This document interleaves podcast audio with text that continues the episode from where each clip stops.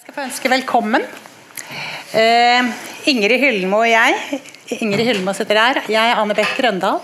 Vi har tidligere i mange år hatt salonger i Bergen i regi av eh, Institutt for aktiv psykoterapi, eller IAP. I de salongene så har vi invitert gjester som vi syns eh, det var interessant å høre på at de kunne reflektere og gi noen perspektiver på det, eh, det arbeidet de har gjort, det profesjonelle livet de har hatt. Eh, og denne gangen har vi gjort noe lignende, men eh, på den, eh, de salongene vi har hatt tidligere, så har det vært mye, det har vært mye mindre. Eh, denne gangen så tenkte vi at temaet det vi har invitert, de gjestene vi har invitert, og det de skulle snakke om, eh, var av interesse for flere av de som har tilknytning til IAP. IAP er for øvrig en, en organisasjon som har med videreutdanning av psykologer å gjøre. Så når vi eh, inviterte denne gangen, så eh, tenkte vi at temaet var interessant for flere, og vi eh, gjorde derfor et samarbeid med Litteraturhuset om dette arrangementet. Eh, så vi skal også jeg må bare opplyse om at dette blir tatt, Samtalen som vi skal ha her i kveld, blir tatt, gjort lydopptak av. Og lagt ut på Litteraturhusets serie med podkaster, så man kan høre det da i etterkant. Sånn som vi har tenkt å gjøre det, så tenkte vi å bruke den tiden vi har her til rådighet, bortsett fra de siste siste, eh, siste stunden noen, på slutten så skal dere få lov til å stille spørsmål eller komme med kommentarer hvis det er noen som har lyst til det. Det skal altså handle om dokumentarserien 'Jeg mot meg'. Jeg har lest en del betegnelser på, på, serien. Den er blitt kalt, Det er blitt sagt at den har vært røft, modig varm, etisk på grensen, eller også over grensen. Eh, engasjerende. Og det siste er vel eh, dette et uttrykk for. Det engasjerer mange. Eh, og Vi syns derfor det er fint å kunne få, få, noen av hovedaktørene i dette til å komme hit og snakke om det, den prosessen det har vært å lage denne serien, og de tankene dere har rundt det dere har vært med på, og det dere har skapt. Og ø, aktørene som vi, som, som vi, har fått tak i her i kveld, er da psykolog Peder Kjøs. Som er psykologen som har ledet gruppeterapien. Um, og bortsett fra at du er en erfaren kliniker, så tror vi også at du er ganske opptatt av folkeopplysning. For du har eh, skrevet om psykologiske temaer i KK, Ask Kvinner og klær, og i Klassekampen i mange år. Vi skal vel få høre mer om hva denne psykologrollen, jobben, har vært av utfordringer for deg. Gjerne det. Mm. Eh, Regissør for programmet, eh, Stefan Fallbakken. Eh, du har laget mange typer film før. Eh, for de som er litt kinointeressert, så har du også laget en del helaftens spillefilmer som Uro. Og for oss bergensere Varg Veum, 'Skriften på veggen'.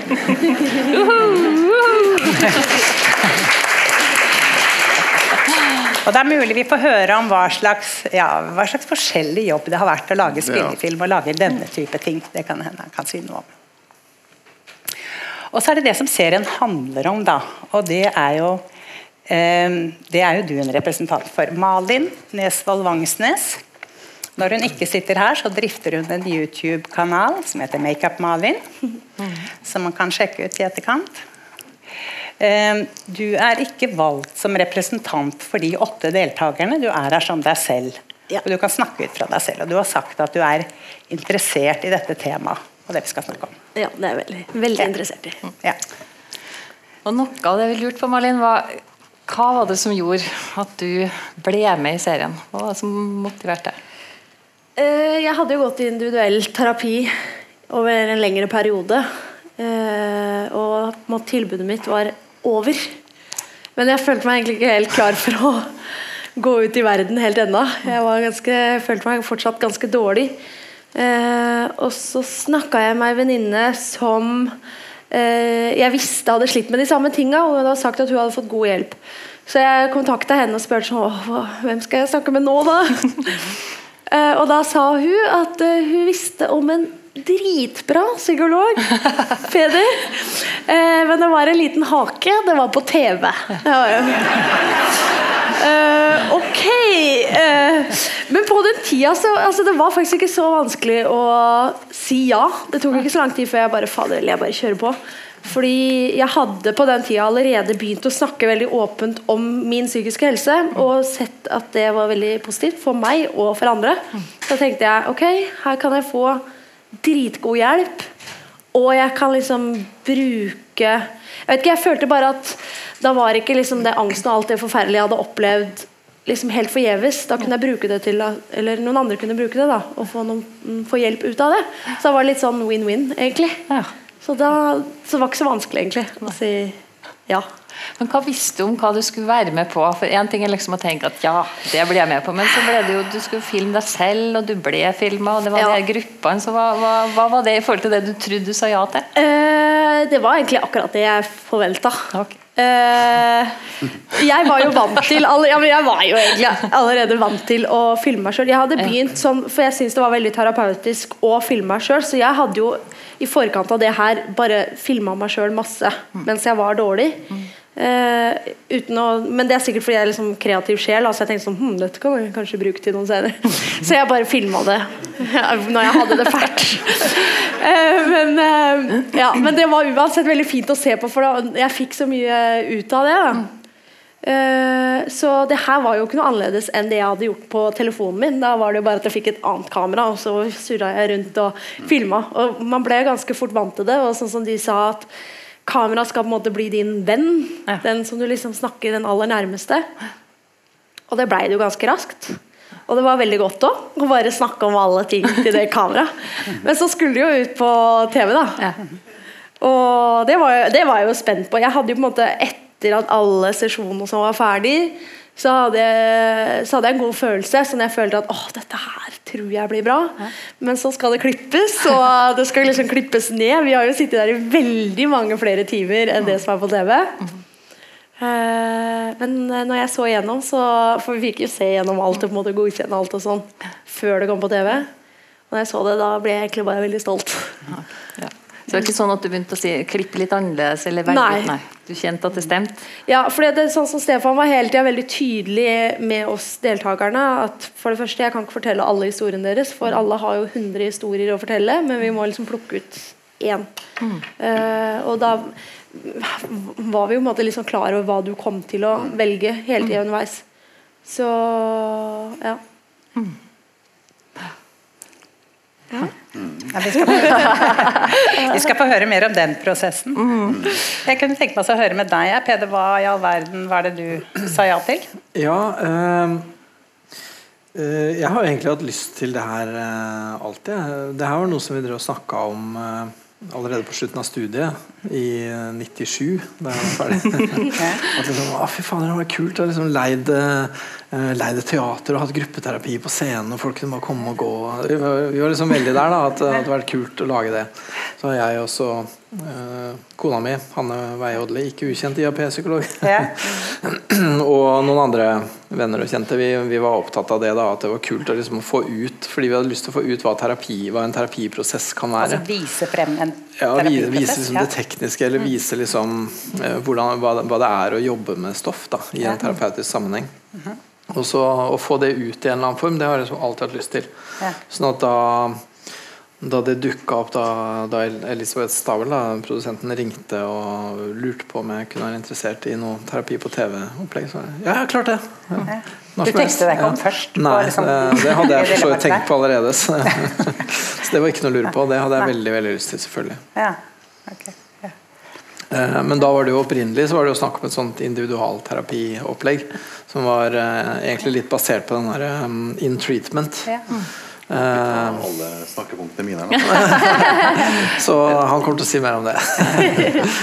så, men så ble det en gruppe etter hvert, da, og det var um, eh, Det var spennende. Jeg jobba en god del med grupper, da. Ja. Så, så jeg syns det var kult å gjøre det.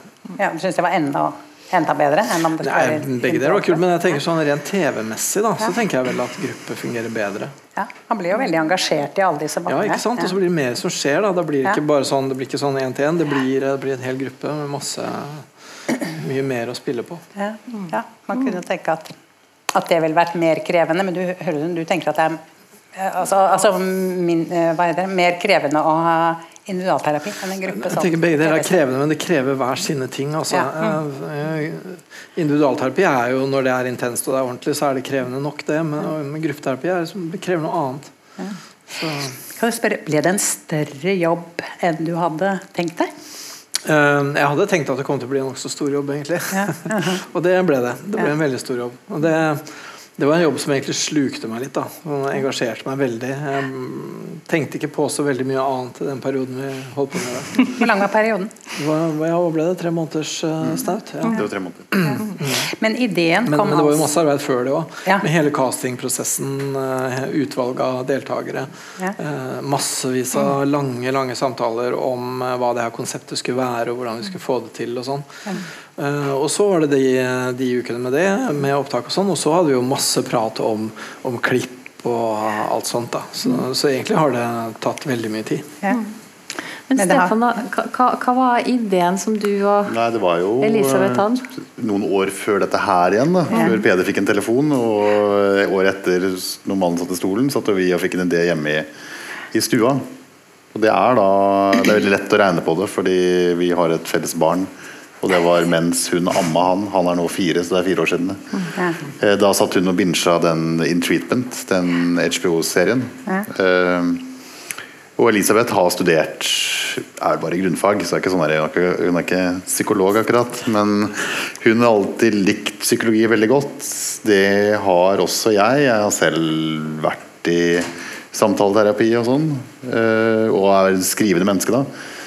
Eh, og hun satt og ble helt oppslukt av den serien, og vi likte den veldig godt begge to. Og hun sa at herregud, tenk å bare sitte og høre på en samtale. For det er en serie som bare er i et rom. Man ser ikke noe annet. Man bare er en individualsamtale med to mennesker, og det forteller alt. Veldig spennende måte å fortelle en historie på.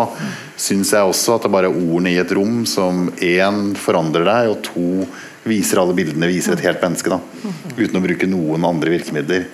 Og så sa jeg herregud, hun sa jeg har så lyst til å gjøre noe på dette her. Og så sa jeg ja, man kunne gjort dette her på ordentlig. Man kunne jo tatt og vist terapi på TV. For du snakket først om å lage det som en altså spillefilm. Spille det. Nei, Nei, aldri. Som et dokumentarprosjekt. Okay. Så du bare, du bare, jeg sa du bør ikke, Det er ikke noe vits å prøve å lage det opp igjen, for det har jeg gjort. Ja. Eh, bare lage et dokumentarprosjekt, rett og slett. Bare følge en terapeuts hverdag med individualklient. Og et- Og det som skjedde parallelt, vet du, som vi da ikke visste, var at, du også så uh, In Treatment. Ja. Og, og jeg er den eneste psykologen i hele universet som ikke liker den. da Nei, ikke sant. Jeg, jeg, jeg likte den ikke, jeg ble ikke tatt av den. da. Og så tenkte og så lurte jeg på hva faen er det som er gærent, hvorfor liker ikke jeg den serien som alle liker? liksom Og så er jo svaret veldig banalt, og det er jo samme svar som dere hadde. Det er jo det at det er jo ikke ekte. liksom jeg, jeg, klarte ikke å, jeg klarte liksom ikke å Jeg klarte liksom å gå ordentlig Jeg klarte ikke å gå ordentlig inn i det og tro skikkelig på det, sånn som man må gjøre. For det med fiksjon så må du jo liksom kjøpe fiksjonen, da. Og jeg vet ikke, det er kanskje av en eller annen grunn så fikk jeg ikke til å kjøpe fiksjonen i In Treatment. Så tenkte Nei. jeg åh, tenk så mye bedre hvis det hadde vært på ordentlig. Nei, ikke Liksom. sant? Ja, ja. Og så gikk det to år, så kom det en telefon. To Da. samme tanke, vet du. Nei, så Det var starten. Og da var vel instinktet eh, Jeg er jo fra spillefilm og fiksjonsfilm, og hun er fra TV, hun er TV-produsent. Og instinktet hennes var å si at ja, det går ikke. Vi kan, man kan ikke gå inn i det rommet, man kan ikke utlevere det er en hel haug juridiske osv. Og, og så begynte hun å spinne på det. Og jeg var sånn Ja, men det er kult. Jeg er med. Jeg stiller opp til det. Syns jeg er dødsspennende. La oss gjøre det, liksom. Og lassa over alt det praktiske på henda, selvfølgelig. Eh,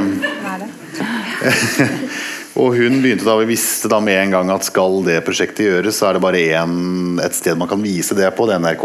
Så det var på en måte å etablere den kontakten med NRK. Hvorfor det? Det er fordi NRK er vel den eneste som én kan bruke såpass mye penger på et program. To kan eh, tørre å satse på et program som man skal si, er såpass smalt og spesielt. Uten å vite at det kommer til å gå. De har ikke annonsører de tenker på, så de har et oppdrag, altså et sånn allmennoppdrag. Mm. Uh, og tre at du er sånn, sånn For å si det på en annen måte, da. Uh, vi var rundt, NRK var usikre. Prosjektet gikk først i én retning, og vi tok det ned igjen. Og så gikk vi over til gruppeterapi isteden. Vi vi reformulerte prosjektet midt i omtrent. Og NRK var inn og ut også. Ikke sant? De sa nei først. Og da gikk vi rundt, og da det som betegner veldig, synes jeg var veldig betegnende for meg, da jeg sa det forrige gang også, det er at vi snakka med TV Norge, med Harald Strømme. Han sa det, dette er et helt fantastisk prosjekt. Eh, Vi i TV Norge kan aldri gjøre det.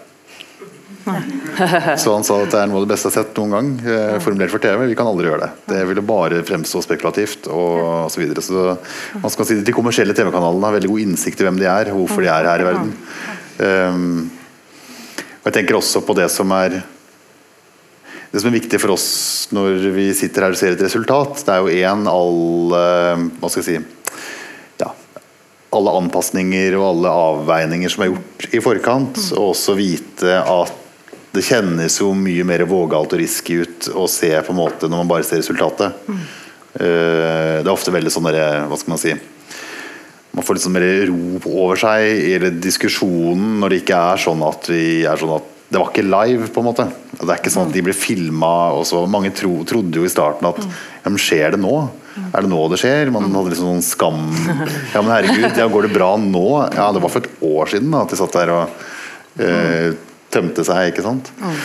Så det er på en måte veldig mange fall eh, eller, Man har mange sånne failsafer på veien. Men det var kort da, hvordan det egentlig starta. Ja. Starta, starta med det, og Peder involvert tidlig, og han var vel den psykologen som helt klart av eh, alle de vi, veldig veldig mange psykologene vi snakket med, som eh, forsto intuitivt programmet og hadde en veldig sterk egenvilje om å være med. Ja, dere snakket med flere. Mange. Ja. Veldig, veldig mange. Så da hadde dere psykologen. Og så Ja, Vi begynte med, visste at vi måtte starte med psykologen. Ja. Han, eh, eller hun, da. Jeg ble ikke valgt i den første runden, da. Du ble ikke valgt i første runde. Individualgreia så ble ikke Men eh, jeg tenkte at jeg ville ha deg med som coach. da Ja, ja, særlig. Du var ikke på audition. Jeg var på audition, ja. Det var prøvefilming. Og Det var prøvefilming av psykologen. Det var veldig veldig spennende. Veldig artig å prøvefilme psykologen. Jeg synes også var veldig spennende, for jeg hadde så lyst på det. Jeg synes det var den kuleste ideen ever. Så jeg liksom bare ga alt, Ja. og så ble jeg ikke Og valgt. så ble det ikke det, fikk, du, fikk du begrunna det, da? Hvorfor du ikke ble valgt? Nei, det var Nei? bare Ja, jeg tenkte Veldig bra innsats, annen var kjempebra, og- men eh, så en annen som bare var utrolig bra. Og, Det er ikke noen grunn egentlig, men det falt ikke på deg denne gangen. Ikke sant? Ja, det sånn. men så ringte vi tilbake seinere, da. Og, sa vi har omformulert litt. Grann. Vi har Ja. tenkt å lage sånn gruppe isteden. Har du lyst til å prøvefilme en gang til? Ja, ja, klart det! Når som helst. Var det sånn, Malin, for, for deg og jeg vet ikke om det var for andre altså Når man først eh, ble kontakt, eller fikk mulighet til å være med, at du liksom sånn Ja, dette altså, det ble veldig viktig for deg å Ja. få lov til å være med? Ja, det ble veldig viktig, for som jeg sa, så hadde jeg i forkant begynt å åpne meg og Ja. se hva det gjorde, da, både med meg og med folk rundt meg. Ja. Så det blei plutselig veldig viktig etter at jeg ble sjuk, å bruke tid på å snakke om det. Eh, fordi jeg følte meg sjøl så sykt naiv. Som hadde gått hele livet fram til jeg var sånn 22-23. Og trodde at alle har det bra. Eh, for det trodde jeg virkelig, liksom. At eh, folk som er deprimerte, de, de, det fins nesten ikke, liksom. Og, ha angst og alle de tinga der. Eh, og så når jeg blei dårlig, så bare åpna det seg en helt annen verden som jeg ikke ante eksisterte. Så ble jeg nesten helt sånn sjokkert at ikke jeg hadde lært noe om de tinga her som liten. At ikke det var At ingen snakka om det. Og da jeg blei dårlig òg, liksom bare i min nærmeste familie, liksom. Jeg har til og med sett mamma ha et angstanfall, men jeg har ikke skjønt at det var det hun hadde. Jeg var gått rundt og bare mm, Ikke skjønt noen ting. Og bare Da jeg var dårlig, og jeg åpna meg, og jeg så at det var andre rundt meg som også sleit, så var det en utrolig god trøst å ikke være aleine. Eh, så da blei det veldig viktig for meg å mm, gjøre det da, og snakke om det, sånn at andre som også sliter, kan skjønne at de er ikke aleine om det. da. Hvordan var utvelgelsen av deg fra ditt ståsted? Det er Eh, ja, nei, det var jo sånn eh, Det var jo intervju da med Peder. Ja, Det var Hanne alene som intervjuet? Eh, ja. Ja. Mm. Først hadde jeg vel kanskje en snakk med Elisabeth. Elisabeth. Men det husker jeg egentlig ikke så mye av. Nei. Jeg husker mest at jeg snakka med Peder. Ja, for det var meg og Elisabeth som møtte deg først. Så Ja, og så snakka vi sammen og etterpå. og så gikk hun, og så satt vi og Ja. pratet. Ja. Eh, fordi da, Det jeg husker best egentlig da, var at jeg snakket jo, vi snakka jo ganske lenge. Så det var jo som å gå en time hos Ja, psykologen. det var en times tid. Ja, og da tenkte jeg at uh, dette er jo den beste timen hos psykologen jeg har hatt noensinne. Og tenkte jeg bare han der vil jeg ha som psykolog. så da jeg ble valgt med, så tenkte jeg yes! Det var, ja. Så, men det var jo en lang prosess, på en måte. At man skulle velges ut, og de måtte jo sjekke om på en måte man måtte jo ha de riktige hva skal jeg si, tankene for å være med. Da. At ikke det var bare for å komme på TV. Jeg har jo, Før det her så har jeg tenkt sånn Å, en vakker dag, så kanskje jeg skal komme på TV. Eh, Men det var jo ikke sånn her jeg hadde tenkt at min TV-debut skulle starte. da men, eh, men, men ja, så det var i hvert fall en veldig sånn utvelgelse. Og liksom at man Du måtte jo vente på da om du fikk svar. ja, ja, ja, man måtte jo det. Og så var det jo noe med å, å sjekke som de, I hvert fall jeg vet at dere har sagt i ettertid, at, at um, man måtte jo velge Noen var jo altfor syke til å på en måte være med. Og noen ville jo åpenbart bare på TV. Så det var jo noe å finne en, noe som passa da. Og tydeligvis så gikk jeg gjennom der. Så det var bra. Jeg kan jo fylle inn litt der, da, rett sånn hvordan man gjør. For dette er jo noe vi er veldig vant til i min jobb, er jo å caste. Det vil da si at prøve å finne det riktig foran kamera. Det gjør man jo både på dokumentar og eh, når man skal lage film. Og film er jo lettere, for da er det skuespillere du forholder deg til. Og dokumentar så må du finne på en måte de objektene du skal, du skal ha. da og Helt enkelt så gjør man jo det at man dikter rett og slett hvordan man har lyst til at denne gruppa skal være. Eh, hvilke forskjellige personer og hvilke forskjellige egenskaper. Og Her var det jo ganske, ikke lett, da, men det var valg vi tok ganske tidlig. At man har jo lyst på den og den og den og den og den problematikken. Rett og slett, For de er allmenne. Ja, for du skulle vise hva er psykisk helse. ikke sant? Så- Dette var jo selvfølgelig presentert når NRK sier ja, vi skal gjøre dette prosjektet. Da kommer jo vi med en tenkt cast. Vi viser jo basically hvordan alt sammen skal bli, bortsett fra skrevet, vi har skrevet episoder ned som forslag. Så det er ikke sånn at det bare er tut og kjør. Og de sitter og sjekker boksene og ser ja, nemlig mm, angst er med, og depresjon, sånn, sånn, sånn. Og hvem var alders, og blanding gutter og jenter, hvor stor alder, under og over. Alle disse tingene her er liksom fullstendig gjennomtenkt. Så man har et kart, da, og så skal man kle det med virkelige mennesker. Og så Og det er jo så uvant for meg. ikke sant? Ja. Som terapeut og så tenker liksom ja, hva kommer til å skje i time fem med han? Og, Ja, ja. Ikke? Hvordan kommer de to til å fungere sammen? Det er helt ja, eh, det, er veldig, det var det første sånn man kjente at Peder blir jo glad i alle, da. Så, ja, men herregud, her er det. Og jeg bare, nei. nei. Nei, jeg overdriver nå. Det var ikke så Men man kjenner jo fort Det var viktig for oss eh, å ikke ha da mennesker som var for syke. Eh, hele perspektivet med serien, hele poenget med serien, det som gjorde at det kunne være en serie, og det som gjorde at vi valgte en gruppe, og det som gjorde at vi valgte såpass unge mennesker også, var at vi ville prøve å lage et prosjekt hvor man kunne ha en eller annen form for hva skal vi kalle det, vesentlig endring. I positiv, i positiv forstand da, i løpet av eh, tre og en halv måned. Ja, og da er det en god del du må styre unna. Da må det være ganske light. Da, eller det må være ting som man kjenner at ja, men det, er, det er dypt nok til ikke bare klaging. Men det er på en måte vi må bort fra alle som på en måte er altså, diagnoser og klinisk tungt osv. Man må avdekke at det ikke ligger kriminelle ting bak. Man må finne ut av hvordan egentlig forholdet til tredjepersoner er. Noen forhold til tredjepersoner er dårlige, men er det så dårlig at eh, det kommer til å være umulig å vise noen ting, for det bare handler om tredjepersoner. Tredjepersoner som blir omtalt i en dokumentarserie, har eh, det som heter tilsvarsrett. Og noen ganger så har de til og med det som heter samtidig tilsvarsrett. At hvis det er en påstand jeg gir mot deg, så kan du samtidig, har du rett til samtidig å svare imot. Ikke bare etterpå. Så det er en hel del juridiske ting. Så det var et svært skjema som måtte passe. Og så ante vi ikke da når vi satte i gang, når vi begynte å søke, hvor vi kom til å få en søker i det hele tatt. Ante ikke. Kan jeg bare høre, Den tilsvarsretten som du snakker om, ligner den noe på noen av de på en måte, hensynene du måtte ta som psykolog i forhold til tredjepersoner, altså i folks familier? Det var veldig nytt for meg. Eh, For, for jeg, jeg kjente meg veldig igjen i det landskapet med at vi må prøve å sette sammen en gruppe av folk som har eh, nok problemer, eller har det vanskelig nok til at det er noe å jobbe med og at det blir bra, liksom. men også at de har såpass eller at man har en følelse av at det kommer til å skje noe. Da. At det kommer til å bli bedre. Liksom. Og da, da gjelder det å ikke velge for lett og ikke for tungt. Altså. Og, og også For at det skal fungere i en gruppe, så må jo alle være på sånn noenlunde samme plan.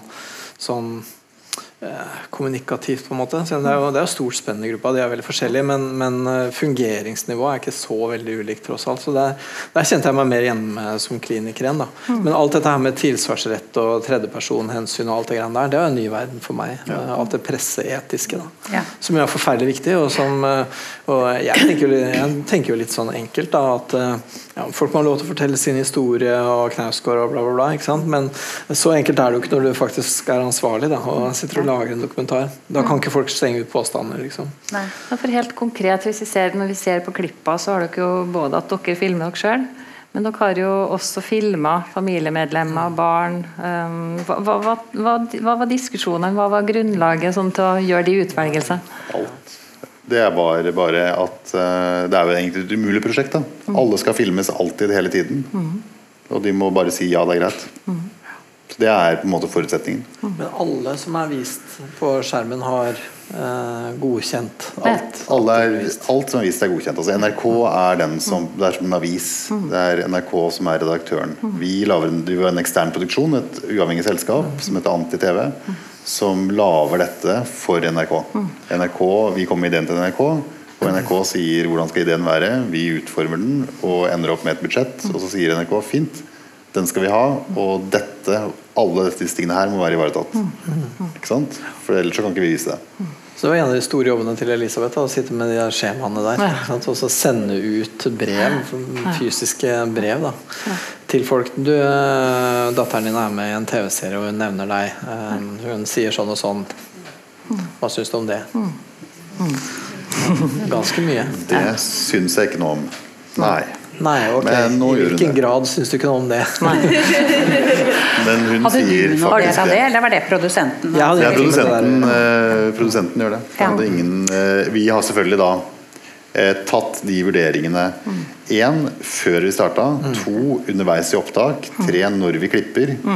Eh, så altså, vi kunne jo vist mye mer sånn brennbart materiale. Man kunne gått mye lenger i karakteristikker, men det var liksom ikke nødvendig for å skjønne tegninga. Da. Så da har man på en måte gått så langt som man trengte for at, den, eh, altså for, at- for at programmet skulle ha hva skal jeg si, den emosjonelle og opplysende og framdriftsbetydningen. Bredde og gjenkjennelighet. Alt det der liksom, Det skulle funke eh, som et program, men det var på en måte ikke noe vits i å gå lenger. da Så der var det en grense. Også, eh, men det var Vi kunne stått et sted hvor vi hadde fått mye mer bråk rundt klipp. Ja. For har dere fått det? Har dere fått noen sånn eh, mye direkte kritiske røster inn til hvorfor valgte dere sånn eller sånn? Direkte til dere? Eh, Det har vært flere av de familiene som ikke blir fremstilt så bra, uten å gå mer inn i det, som ikke er noe fornøyd med det. Ja. Helt klart, så det er, ikke sånn, det er ikke et prosjekt som alle som er med, stiller seg bak. Men det er på en måte litt prosjektets natur. Da. Og vi må jo bare si at ja, vi tror det er bedre for den og den å komme videre her i livet. Og du er, eller dere er en del av en tid som ikke var bra, eller situasjoner som ikke var bra osv. Og, så og de vil jo da naturlig si at det står jo mange steder eh, tekster etterpå at de kjenner seg ikke igjen i Ja. formuleringen. Det må være en misforståelse. Ikke sant, alle sånne ting. Og også, det er også gjort masse i klippen der. Det er mange ting som folk sa som ikke ble med. Fordi det handler om tredjepersoner på måter som var uhåndterlige. Hadde dere to mange diskusjoner om det? Altså hva som skulle, ikke skulle? Nei, ikke så mye om det. For det tenker jeg på en måte Det der er sånn presseetisk, pressefaglig eller noe sånt. Sånn at jeg tenkte at det er de eh, fullt kapable til å håndtere. si veldig enkelt. Peder var eh, med oss og sette opp hele prosjektet og var terapeut under prosjektet. Så det er på en måte en virkelig verden hvor han sitter der og de åtte setter seg rundt. Ja. Eh, og vi filmer alt som blir sagt i det rommet. Og alle disse åtte dokumenterer sine egne problemer og sine egne tanker og sin egen virkelighet eh, mellom sesjonene. Så mye de bare kan. Alt det de filmet selv, så ikke Peder. Eh, Det var et stort poeng i, for hvis Peder hadde sittet og sett på dagboka til Malin, så hadde han sagt ja, men Malin, du ville jo egentlig på den festen. Og da ville det vært seks andre i ringen som bare Hæ, hva snakker du om nå?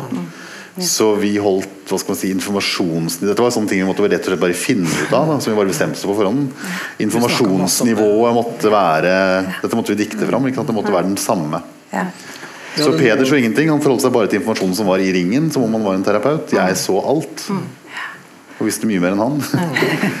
eh, og så prosjektet Når prosjektet var ferdig, vi skrudde av lysene, så har vi sittet da helt på egen hånd og klippet. Ja. Og da fikk du, men da fikk du se de også, eller? Ikke før det ferdige Ikke resultatet. ferdig, nei. Så jeg var ikke involvert i så klippen. alt og klarte nesten ikke å holde seg etter eh, timene eller i Nei. pausene der. Så var det sånn men jeg har det. svaret! Jeg har svaret! Jeg kan ikke si deg For noen ting! snakka, vi snakka jo veldig mye sammen. Stefan og jeg, vi snakket veldig mye sammen Og sesjonene var lagt opp sånn at det var to ganger tre kvarter med en sånn kvarter 20 minutters pause omtrent i midten. Og vi snakka ganske mye sammen før. At liksom, ok, Hvor var vi forrige uke? Hva skal vi gå videre? Og hva er, hva er liksom spora? Og så tar jeg med meg det akkurat som fra en virksomhetsveileder. veileder. egentlig Ja. Og så går jeg inn og så har jeg tre kvarter eh, terapi. da Og så er kvarter med egentlig en slags reflekterende team i en slags intens ekstremversjon. Hvor vi- sitter bare Og Stefan bare sitter med alt det han vet fra videoen og bare Eh, og, Men vi snakker likevel ganske mye om eh, skal, hvilke tråder skal vi forfølge, hva skal vi gå videre på. Og så prøver jeg da de neste tre kvarterene å gjøre det. Og så hadde vi sånne oppsummeringsintervjuer helt til slutt, som vel i noen grad er brukt i de der eh, sesjonene. Ja, Som det, er lagt brukt, i det er vel ganske mye Ja. eh, der. Som er på en måte det reflet for å fortelle hva var det vi egentlig så nå. For det hadde vi egentlig tenkt at skulle være et litt sånn viktig element, men i selve serien så er det fint litt av det.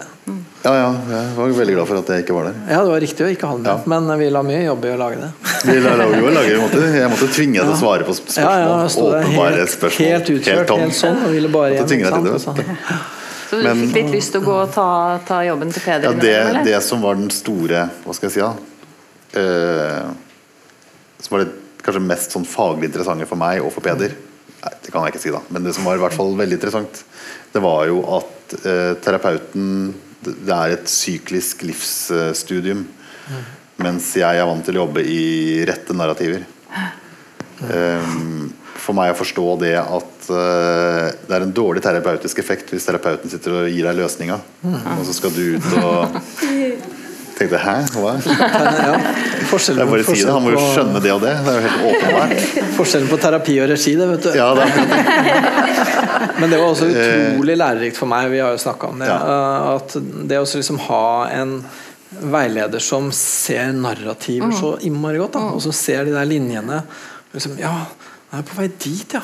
Søren òg. Det å få det som terapeut, da, det var utrolig verdifullt. Så uh, Usedvanlig eh, intens form for veiledning. Og det, var, det var veldig gøy, for jeg måtte også lære meg å la Hva skal jeg si, ikke kunne gå så rett fram. Da.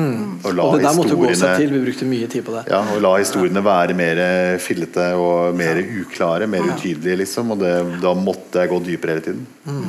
Og så er det selvfølgelig sånn at jeg satt jo liksom et, Det var helt åpenbart hva som bør skje, og karakteren sier det til meg på kamera. ikke sant? Og det var en, var en følelse at dere snakka til meg etter hvert. da Så det var sånn Han ble det sagt mm, Ikke han. Jeg er ikke her, liksom.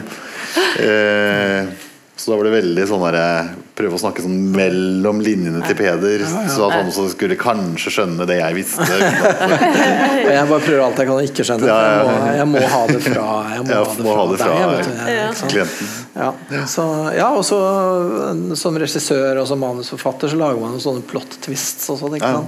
Men uh, her sånn, altså, plutselig gitt, så klinker det til, og så dukker det opp ukjente pappaer. Og, ja. så, så liksom plot-twistene kommer helt uh, det. uanmeldt. Det. Og det er jo, i terapi så er jo det helt vanlig. Det skjer jo i ett kjør.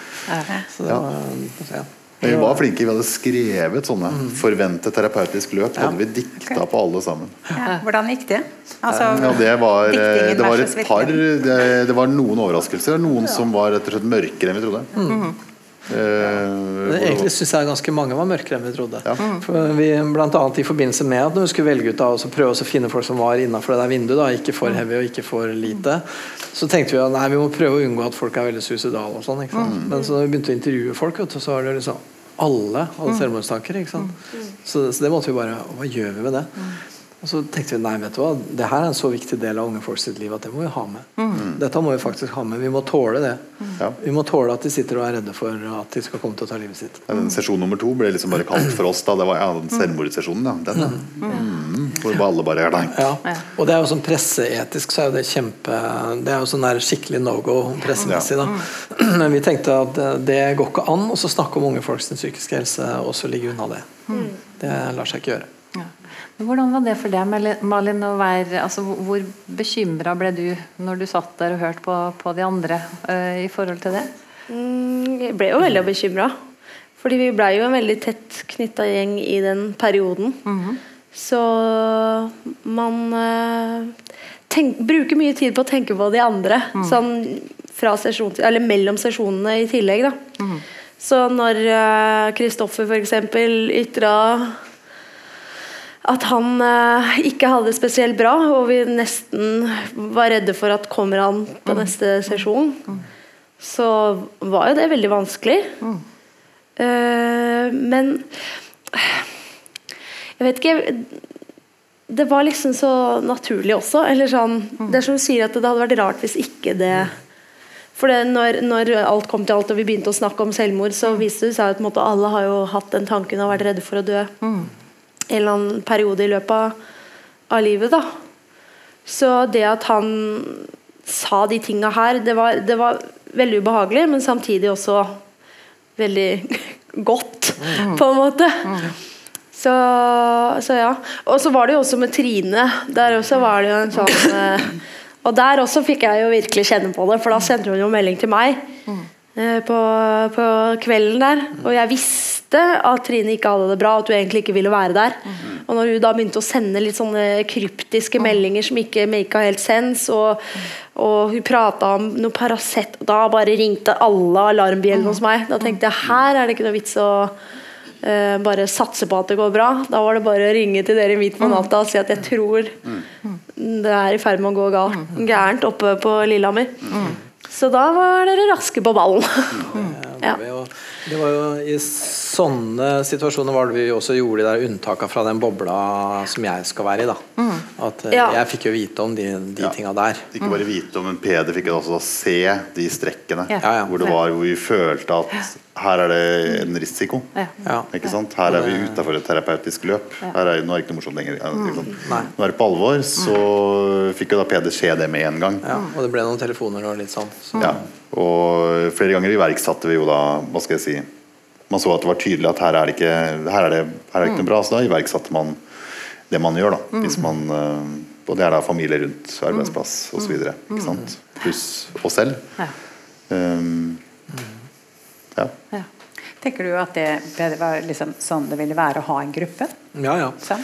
Eh, I en vanlig gruppeterapi så hender det jo også at du får at det skjer ting som er sånn. For Vanligvis i en gruppeterapi så vil du jo liksom helst ikke få vite for mye om hva som skjer i mellomtimer. og eh, noen som driver gruppe, vil helst ikke at gruppemedlemmene skal ha kontakt seg imellom heller. Det er mye sånne, mye sånne regler mye greier for å liksom holde det reint. Da. Og det er klart at så reint eh, holdt ikke vi det. Eh, og det er jeg ikke vant til fra ute i verden heller. Jeg er mer vant til Jeg jobber mye med grupper på institusjoner, og da får du jo vite ting hele tida. Og det er kriser, og ting skjer, og særlig når du jobber med liksom rusmisbruk og sånn. Så. Du må bare forholde deg til det. Man må bare forholde seg, og det er den virkelige verden. Og så er det den ideelle verden, da, og terapimodellen og det du har sett på en eller annen, eh, i en eller annen bok eller et eller annet. Og så er det den virkelige verden, da, som gjerne er litt mer Kunne du si noe mer om terapimodellen din? Hva er det som Terapimodellen min ja. Lei- Hva som er Liksom? Jeg har ikke Liksom? noen terapimodell. Teori, tanke, hva, hva slags Ja. tanker har du hatt om hva, hvordan de skulle hjelpe deg? ja for, det er jo, for det er jo et uh, godt spørsmål. Og, og jeg tenker jo litt sånn om grupper egentlig på litt samme måten som vanlig terapi. At du lager et slags mikrokosmos hvor du kan eh, avspeile det større kosmoset. Da, hvor, du, hvor du på en måte kan prøve ut ting som du ikke kan prøve ut andre steder. Du kan liksom eh, si ting som vanligvis ikke kan sies. Det er liksom ukonvensjonelt. da, Utenom sosialt. på en måte. Du kan si ting uten at det har de vanlige sosiale konsekvensene. Ja. Og så eh, er det veldig mye, veldig mye av det er jo rett og slett speiling. da, og Det å få høre andre folk si at liksom, ja, jeg skjønner åssen du har det, sånn har jeg det også. Eller liksom, nei, vet du hva, det der skjønner jeg ikke, det må du fortelle meg mer om. Eh, og ja, bare det å liksom høre andre folk, da, det å snakke med andre om hvordan man har det, det har et eller annet sånn magisk ved seg. Og der tror jeg også at eh, i en gruppeterapi så får man det jo da fra andre som har det sånn. Da, da får du ikke den derre Ja, psykologen sier, liksom. For mine responser er nå én ting, men respons fra, Ja. fra de andre det er jo helt annet. ikke sant? Ja, ja, ja. Så når liksom når Trine får responsen fra deg, så er det noe helt annet enn når det kommer fra meg. selvfølgelig ikke sant? Og, og, og, så Derfor så tenker jeg at litt sånn min jobb er egentlig å prøve å få litt liv i det der. Da, prøve å få, få de i gruppa til å interagere. Men det klarte du jo veldig bra ved bare Jo, ikke si noen ting. Ja, så. Det bare, Så det ble helt sånn her blir dere pen nødt til å interagere, folkens. Ja. Ja. Nei, jeg synes jeg, Det er jo litt det som er målet, å prøve å få noen interaksjoner og så liksom å liksom styre det litt. Men det er mer som, det er mer som å gjete eh, en sånn saueflokk enn at det er å styre og regissere så mye. Det er liksom mer sånn å holde dem innafor gjerdet. Ja. Men det ble jo veldig fint. Og det var jo veldig spennende å kjenne dynamikken. Mm. Og det var jo lange pauser. Som spesielt Malin fylte hvis de ikke Tåler Ja, ikke, tåler ikke pauser så godt som vi sier. Nei, og, De lengste pausene gjør seg kanskje ikke så godt på TV heller. nei, nei, men de klipper han jo bare bort. Ja. Men det er jo morsomt. Hvor lenge kan man holde før man sier noe?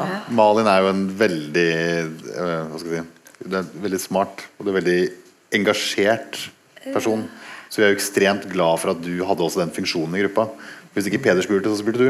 ja, jeg gjorde visst det. Ble, Ja, men hva med det? jeg ble nesten litt flau da Ja, jeg så på det etterpå. Ja, at men det er det som er over så bra. Ja, men det er det som er så bra, ikke sant? Så føler du at du tar over litt.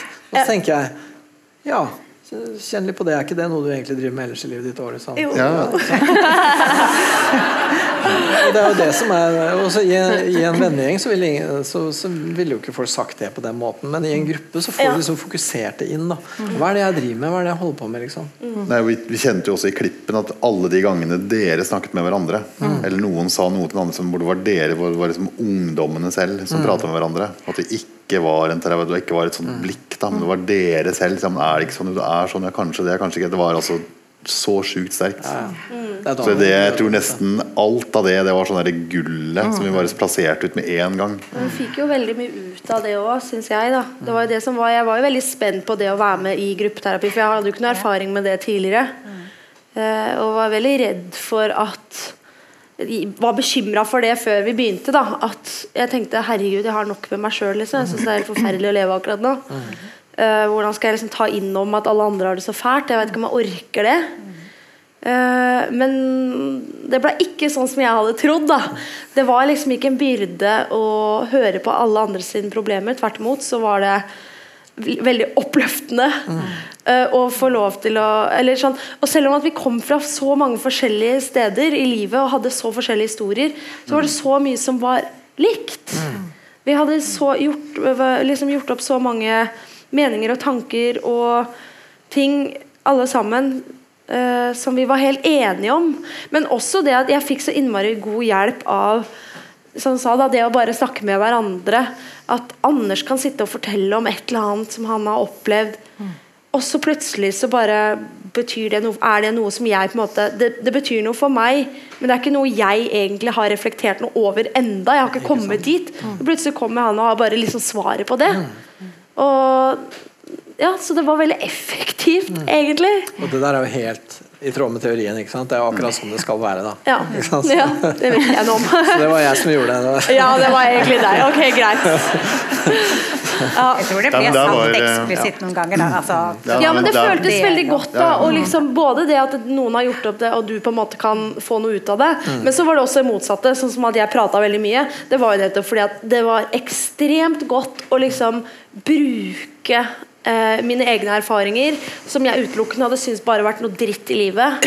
Plutselig kunne jeg bruke det til noe positivt. da Jeg kunne fortelle det til Kira, og så kunne det hjelpe henne. Da var det liksom ikke helt forgjeves at jeg hadde gått gjennom all den dritten. Da, for da slapp hun det. på en måte. Men det der å snakke og dere sa også det å, å sette ord på tanker man har, eh, så kan de bli tydeligere og justert litt i forhold til andre staker og sånn. Det med eh, å snakke til kamera Vi må si hva slags eh, Det, det var en slags sånn eh, regissør uten regi. Eh, Eller en eller annen form for regi fikk de vel. For det å snakke til kamera også Du snakket jo om eh, godt og vondt. Hvordan, hvordan var det å gjøre det? Å snakke til kamera? Ja. Som sagt så drev jo jeg og filma meg litt på forhånd. Ja. Så, jeg, eh, så det, det ble ganske fort naturlig, egentlig. Ja. Eh, Det blei bare som at man snakka Det var jo som Stefan sa, gi, gi kameraet et navn, liksom. Bare Ja. Så, så det Men var det også en sånn Hæ? Hadde du et navn på kameraet ditt? Jeg, jeg fant aldri på noe navn. Nei. Hun var eh, Ja, men Du var der. Ja, men det som er at jeg trengte ikke navn, for jeg var så vant til kamera fra før. Ja. Ja. Du sa bare Stefan. Ja, jeg sa bare Stefan. Men det som var, vi fikk jo på en måte en slags regi, eller hva man skal si, da. Fordi um, Stefan sendte jo sånne lange brev etter hver sesjon. Uh, over ting som jeg kanskje kunne svare på i, i kamera. Ja, akkurat. Tenke litt på. Ja. Ok. Så ikke ledende Så du hadde litt sånn, eh, du hadde litt sånn regi på hvor du ville ha det? Hvor du ville ha det. nå kommer det fram. Hva sto det i de breva da, Malin? Ja, hva gjorde det? Jeg husker ingen av dem. Jeg husker nesten ikke sjøl, ja, for de var jo evig lange. Var sånne, men det var alltid, det var, det var alltid gode, det var godord. Sånn 'jeg heier på deg' og liksom 'dette klarer du' og sånt. Eh, og så var det gjerne litt sånn Du nevnte i sesjonen at uh, du har en, uh, har en pappa. Hva tenker du Hva om tenker det? du om det? Og så var det sånn det, så, ja. Og det er noe som Peder visste om det, eller? Nei. Nei. Jeg visste ikke det. Jeg har ikke sett det Visste ikke noe, eller? Nei, Han vet jo ingenting. Det er derfor han visste alt. Når jeg sier sånn 'jeg har en pappa', så sitter jo du bare og vet hva jeg hinter til. Ja. til Oh, bare, Peder, mens han skjønner Nei, ingenting, og han sitter der og oh, vet alt. Nei, og Vi hadde jo snakka sammen en time på forhånd, som man jo ofte gjør i gruppeterapi. da. Eh, Men jeg ville egentlig foretrukket ikke gjort det heller. Jeg ville foretrukket ikke visst noen ting. Eh, Sånn som f.eks. Karsten sin historie. Eh, Jeg visste jo hva han satt og ikke fortalte. Og det var Ja. en ulempe for meg å sitte og vite. Ja. Eh, og jeg tenker at som gruppeterapeut så er all informasjon du har som ikke er kommet i gruppa, det er stort sett noe herk. Ja. Mm. For du må sitte og vente det ut, og du må sitte og du kan ikke hinte om det, og du kan heller ikke la være. Ikke sant? Så det Men vi visste ingenting, vi i gruppa. Nei. Satt jo og så på Karsten hver Ja. uke og kikka. og Karsten du visste at jeg visste, og når jeg så på han, så prøvde jeg å ikke se på han på en sånn 'nå må du si det Nå nå, da, Karsten. si det, ja. for. For, at det Nei, og Han så jo på oss også. Han visste jo på en måte hvorfor han var med. Han vet jo øh, hva jeg skal. og jeg, var nødt til å tenke, med å være her? og jeg var nødt til å tenke hele tida at hvis han velger å ikke si det, så er det hans valg.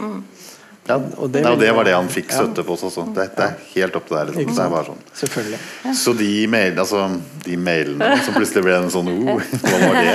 Regien din, det. Regien min var Nei, altså jeg måtte jo Malin var jo, hadde et veldig naturlig forhold til kamera. Hun var en som bare uttrykker seg sånn som hun er til kamera. Det var ikke noe filter mellom, mellom deg og kamera. Eh, helt fra starten av. Det, sånn var det ikke med Du var den helt klart beste der, da. Eh, de andre var ikke der i det hele tatt.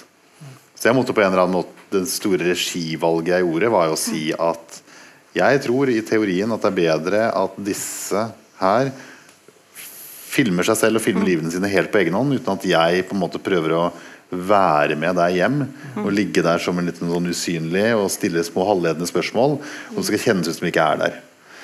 Uh, og det var uh, Det var teorien, da. Og da var det bare å starte. Uh, og da har jeg gjort sånne øvelser med skuespillere og med amatører og andre som jeg prøver å ta vekk det som heter kamerabevissthet. da og Da satt vi og gjorde rare ting. Ja. da Som ingen skjønte noe av disse stakkars deltakerne. Nå er de blitt valgt ut, nå skal de sitte i en stol der. Og så skal de snakke jeg med deg, og så sier jeg prøve å komme til et sted hvor du er emosjonell. Hvor du kjenner hvor du har kontakt liksom, med de triste sidene deg. Bare ikke ikke si noe, bare tenk på det. Og så venter jeg til den personen er der og er berørt, da, eller i kontakt. Og så tar jeg et kamera og sier nå skal jeg ta dette kameraet, skal jeg gå nære. Bare ikke vær det samme stedet. Og så går jeg, jeg filmer ikke, men jeg bare går med et kamera bare sånn provoserende nære opp i trynet. Og så sier jeg bare kjenner du nå at du fortsatt kan være der, selv om jeg er her? Ja. Kjennes det greit ut? Ja. Hm, ja, det glapp litt fint. La oss prøve litt til. disse øvelsene gjorde jeg, for jeg visste at da er, er man er gjennom en sånn brudd gjennom en sånn is. da Og så var det hele tiden å få dette kameraet til å være Dele din indre stemme. Jeg ga jo sånne bilder og råd osv. Så, videre. så måtte jeg se åssen det gikk. da Så Derfor satt jeg og så på alle eh, ja, minnekortene hver uke. Og så ga jeg tilbakemeldinger. Og da prøvde jo jeg da å gi tilbakemeldinger som da ikke var da terapeutisk ledende, men som var støttende. Faller så modig. Ja, Det der var helt rått å se. Og så litt sånn diffuse ting. Ja. Ja, så var det sånn. Ja. Det var, det var regien, det, da. Hva med det og det? Nei, noen ganger var det helt konkret. Jeg, du snakker veldig mye om dette. Jeg, jeg får ikke være med der. Kamera får ikke være med der. Altså Anders, for eksempel, da. Snakker om kompiser, snakker om skolen.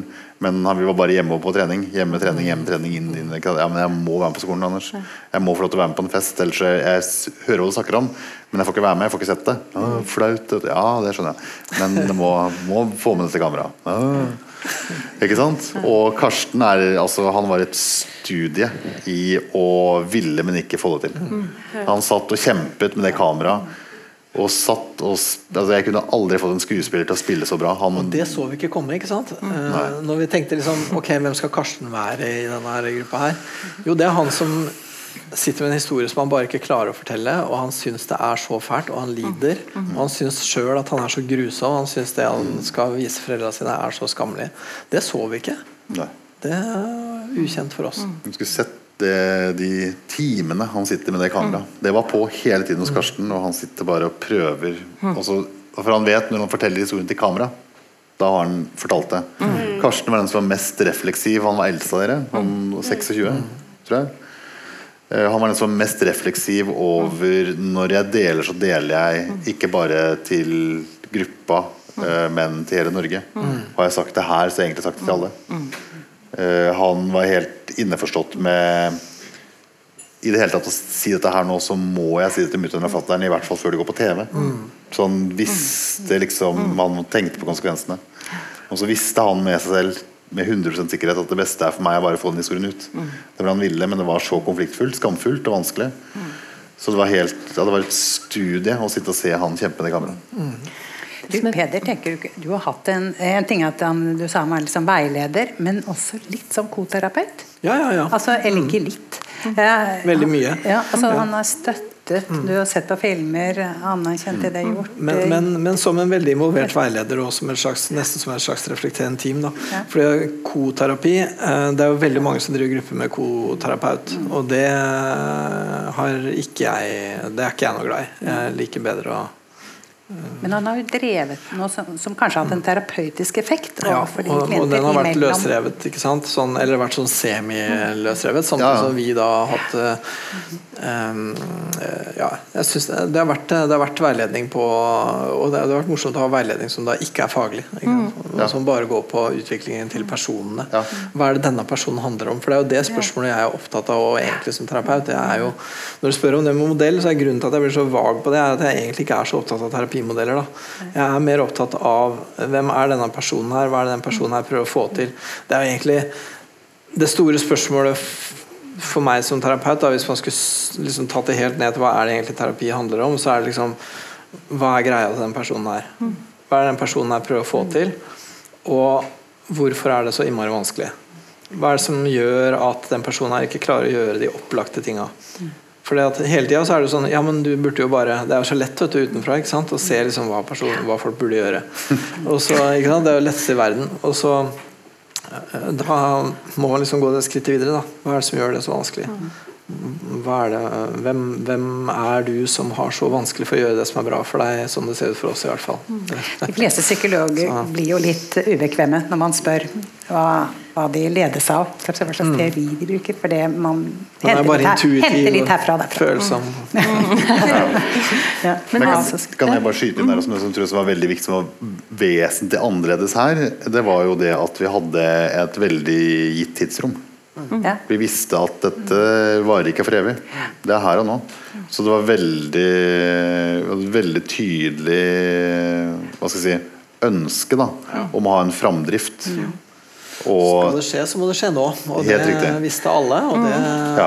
det legger på et press som som ble litt sånn trykkoker ut av det. så gjør jo det. Derfor jeg på en måte kasta meg såpass raskt Ja. inn i For jeg var veldig usikker på om jeg skulle egentlig snakke om det med faren min da det på en måte Da det slo, slo inn, holdt jeg på å si. Da jeg, da jeg kom på at jeg hadde en annen pappa. Så tenkte jeg åh, nei, det her orker jeg egentlig ikke å gå inn i akkurat nå. Det var forferdelig å tenke på.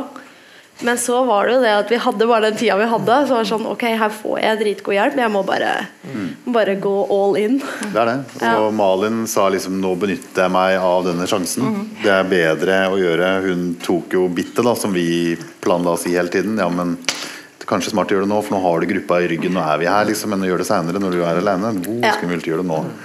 Da får vi både innhold i programmet vårt, det skjer noe med deg, og du får den hjelpen nå. Ikke sant? Og når Malin gjorde det, så sitter de andre og ser at ja, shit, Malin raste av gårde nå. Ikke sant? Og da blir det liksom litt mer for de andre også. Så det ble en sånn effekt at altså, den ene de drar hverandre frem. da Og åpner opp, ikke sant? og da ser de andre også liksom Jøss, hun klinte til, og det gikk jo fint. Ja. Og Da kommer de andre òg, ikke sant. Og litt sånn ja, men herregud, nå har jeg åpna meg helt. Hva med deg, liksom? Sant? Den satt også der. Ja, du lager en, sånn, lager en sånn gruppenorm ikke Ja. sant? på åpenhet. da. Ja. Jeg tenker det å se, eh, se dere snakke direkte i kamera, det er, det er jo noe med også eh, Man setter jo ord på noe fortvilelse da også, og etter hvert eh, kanskje tydeligere og tydeligere, for det var jo fortvilende scener og, og mer alminnelige. Eh, Så det er jo kanskje en type terapeutisk effekt av det også. Og det var det som kanskje også engasjerte oss så veldig i hver av dere. For dere snakket jo ikke bare til Stefan, snakket jo til oss. Ja. Det så meninga, da. Det var liksom, jeg var ikke der, jeg. Jeg er usynlig, liksom. Men så er det kanskje også den delen som folk har stilt mest spørsmålstegn ved. Eh, altså, Var det nødvendig? Var det, altså, noe var smertefullt å se på. Eh, F.eks. det med Paraceten og den fortvilelsen. Altså, det var fryktelig å se på.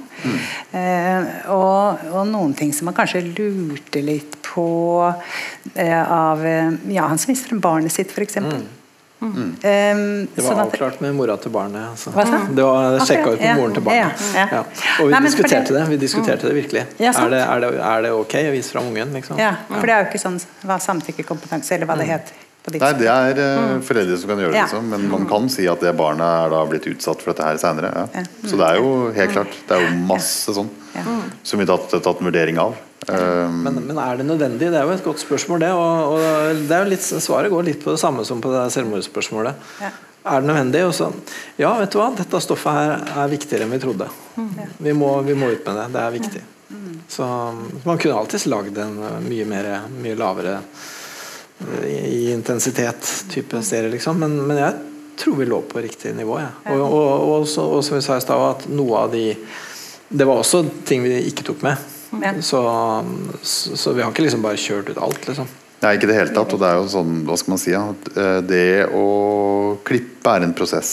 Og prosess er sånn at da lager du et bud, eller du lager først en historie. Så ser du på den, og så lager du en ny historie, og så ser du på den, og så ny og så ny, og så lærer du litt for hver gang. Så det tar lang tid å klippe. Eh, og det var et par sånne helt tydelige som var det drøyeste. Hvor deskriptiv skal Karsten være i voldtekten? Han er mye mye, mye mer deskriptiv, egentlig. Og det bare finne det riktige nivået der. Eh, jeg syns det var veldig viktig å deskriptivt fortelle voldtekt, så man skjønner noe med eh, maktforholdet. Da. Altså For meg var det sånn Årets TV-øyeblikk er når Karsten sier Ingen forkleinelse, Malin, men når Karsten sier at det var bedre å suge litt pikk enn å risikere å bli drept. Rett ut til det norske folk. Jeg tenkte at Det er sånn, det må han bare si. Det Og da må vi skjønne det. Nei. Det har ikke det, og det var på tide. For det er jo noe som alle voldtektsofre i hele verden vil kjenne seg Ja. igjen i. Og jeg tenker at å, å høre det fra en gutt ikke sant, som bryr litt på det, og da tenker man egentlig på alle jenter man har hørt om. Og da får man liksom Man får et helt annet bilde av det Ja, skyld i det sjøl og bla, det bla, kortskjørt, alt det der. Man får de der ordene spist litt, da. Det er nummer én. Og to, som også var det mest kontroversielle, da, det er jo uh, Trine, hvor hun da Jeg kalte det mer krise, da. Eh, Det var veldig viktig Jeg holdt, jeg holdt på å si for karakteren hennes, men det er det ikke for Trine. jeg er tilbake i fiksjonens verden. Ja, Beklager. Fader, ass. Det var jo ekte folk, dette. Eh, Det var et vendepunkt for Trine da. Det var eh, Hun strevde veldig Hun var den som hadde det vanskeligst med å eh, finne fram til hva skal jeg si, sin seg selv, da, sin indre stemme. Eh, hun var jo De er jo veldig Hva skal jeg si Dere var aldri dere var alle dere sjøl lik på kamera. Det dere viste meg, var dere var veldig dere sjøl lik. Og det var jo så mye. Så jeg kunne jo jeg kunne fortalt hva som helst nesten med alle dere. Eh, helt ekstremt hva man kan gjøre i klipping. Eh, Trine hadde jo veldig vanskelig for å snakke om hva hun egentlig følte, hvem hun egentlig var, for det var veldig utydelig for henne. Og det er ikke noe bra.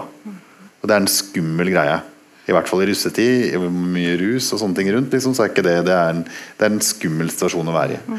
Og Trine hadde kjempevanskelig med å lage hva skal jeg si, Hun lagde små reportasjer, men det var en framstilling av seg selv.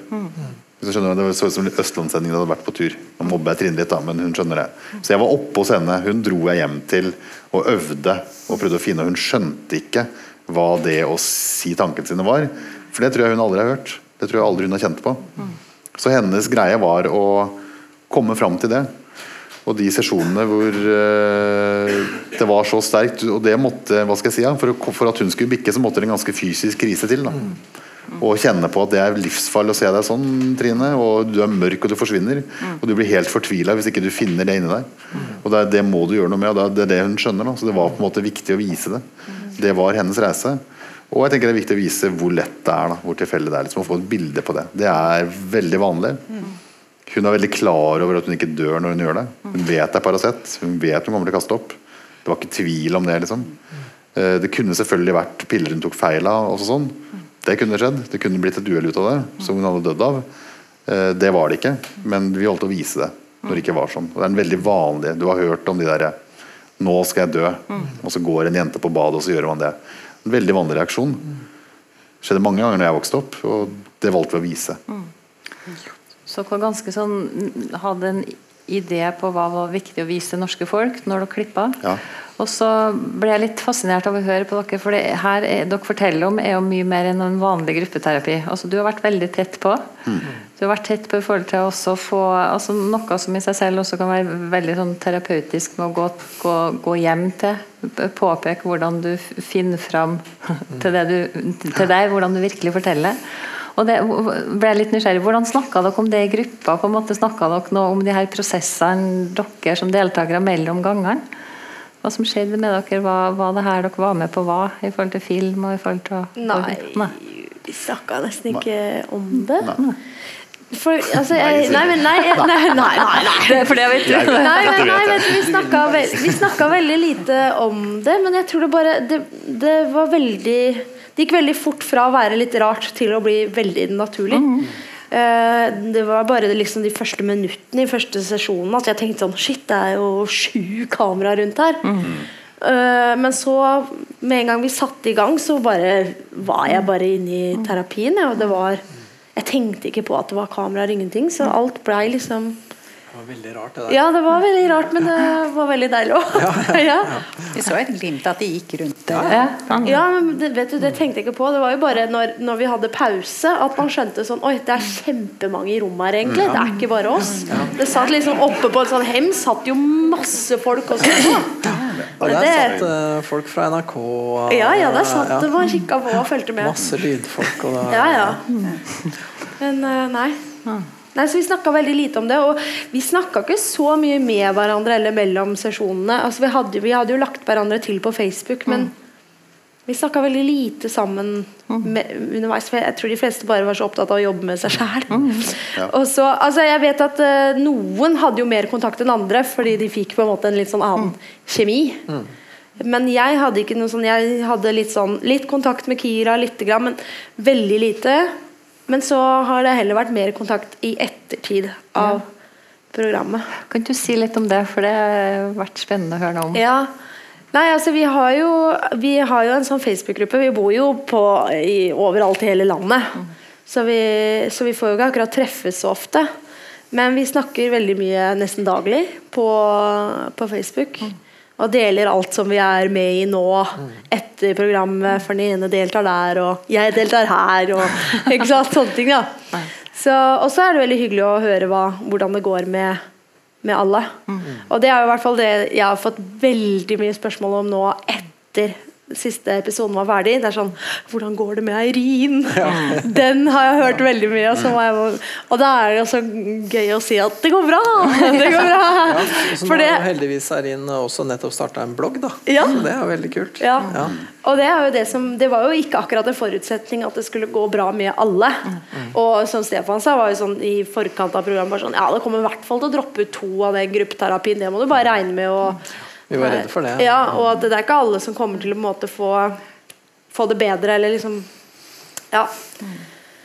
Så, så jeg også hadde jo ikke forventa at det skulle gå bra med meg, på en måte. Men så har det gått bra med meg. Det har gått bra med alle de andre òg, så det er, litt- det er ganske utrolig. Det er også sånn som folk spør meg om. I ju starten av juni i For et år fjor. Ja, Et for år et år siden. Starten av sommerferien for et år siden. Ja. Når fikk dere se programmet? Så dere det på TV samtidig med oss andre? Eller? Nei, nei, nei. Vi så det i Desember. desember, ja. ja. Da Så, hadde vi klippet et halvt år. ja. så da så vi alt og kunne komme med tilbakemelding på Så dere det sammen? Ja, alle Det så det sammen. samla. Det var veldig kult. Det var utrolig spennende. Ja. det ja. Og jeg hadde heller ikke sett det før, så det var ja. nei. kjempespennende. Så det var Peder og alle. Så veldig, altså, Ja. På en rar måte så var jeg ikke så veldig nervøs. da Det det kjentes ut som jeg hadde håndtert dere så godt, og så var jeg veldig, veldig fornøyd med eh, Da var jeg fornøyd. Jeg. Flink. Flink. Hadde en samtale på flyet. Veldig viktig å si sånne ting. Eh, det er det rent formmessige. Eh, vi kunne egentlig vi, vi skapte formen i klippen. Eh, vi, kunne satt, vi kunne startet med en eh, tom ring. Peder som er konsentrert, sitter og venter, og det kommer én og én ungdom inn. Og der, her sitter Peder og har liksom er hovedpersonen og har makta, på en måte, og så kommer disse andre inn. Så valgte vi å gjøre det helt annerledes. Vi valgte å gjøre det helt omvendt. Vi valgte å være ute, at noen skrur på kameraer her og der ute i Norge og prøver å venne seg til det her. Prinsippet som vi fant ut, da, det tok et par måneder, fant ut at ja, men la oss vise reisverket.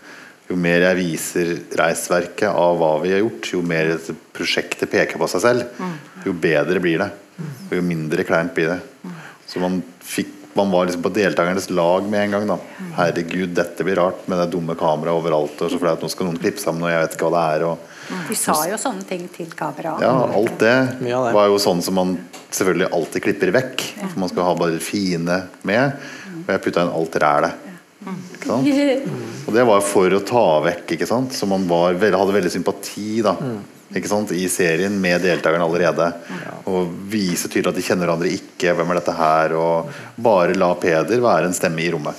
Det er akkurat, det, for det er akkurat der det på en måte øh, Jeg tenker også at noe av det som var magisk i forhold til å ha gjort en sånn én-til-én-terapi-ting For en sånn én-til-én så ville det handla om en terapeut og en klient. Her sånn så handla det om åtte ungdommer og livet deres, og så, og jeg er også visst en terapeut.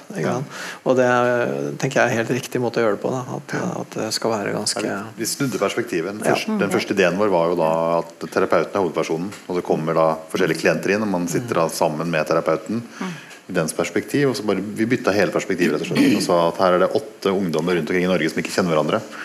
Dette er de, dette strever de med. De har det bra, de har det veldig dårlig.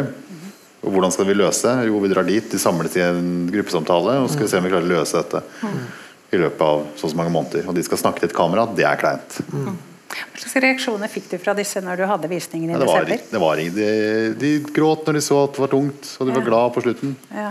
Det var vel egentlig bare å leve det gjennom. Ja. Eh, Det har vel vært et sånn eh, Kort, fort film, liksom?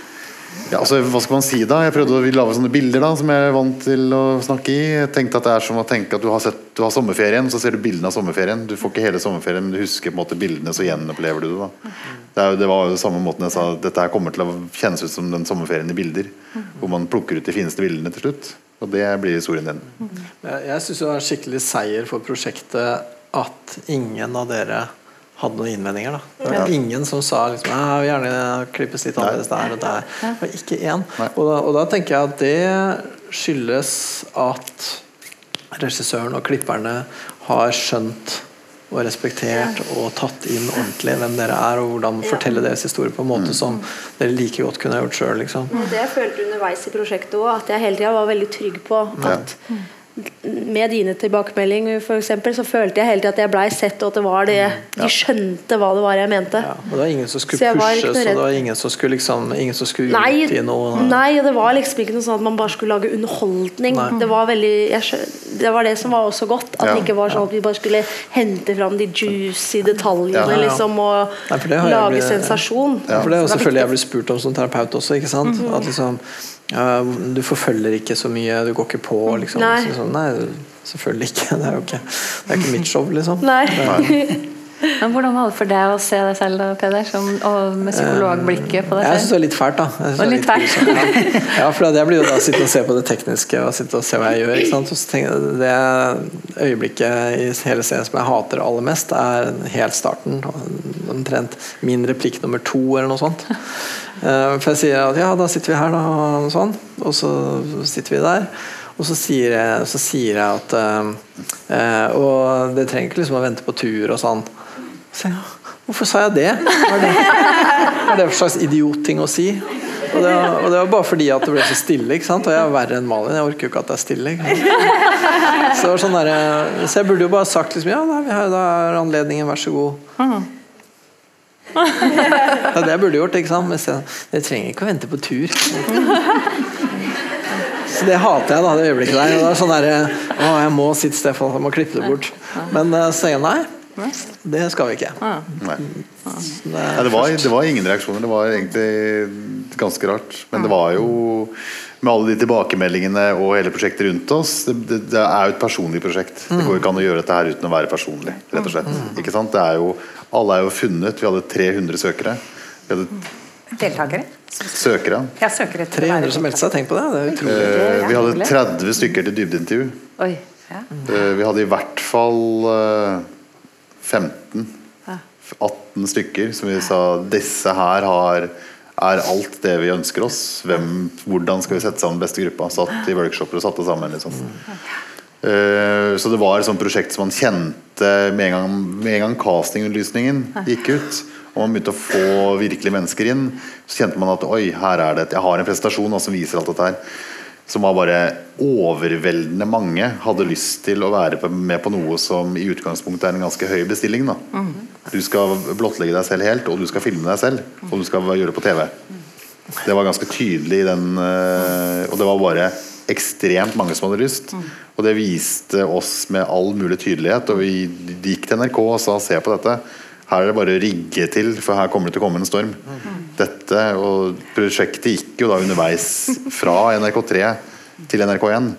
Det var et NRK3-prosjekt, det ble dytta opp til NRK1. Ja, sånn har jeg glemt, faktisk. Ja da.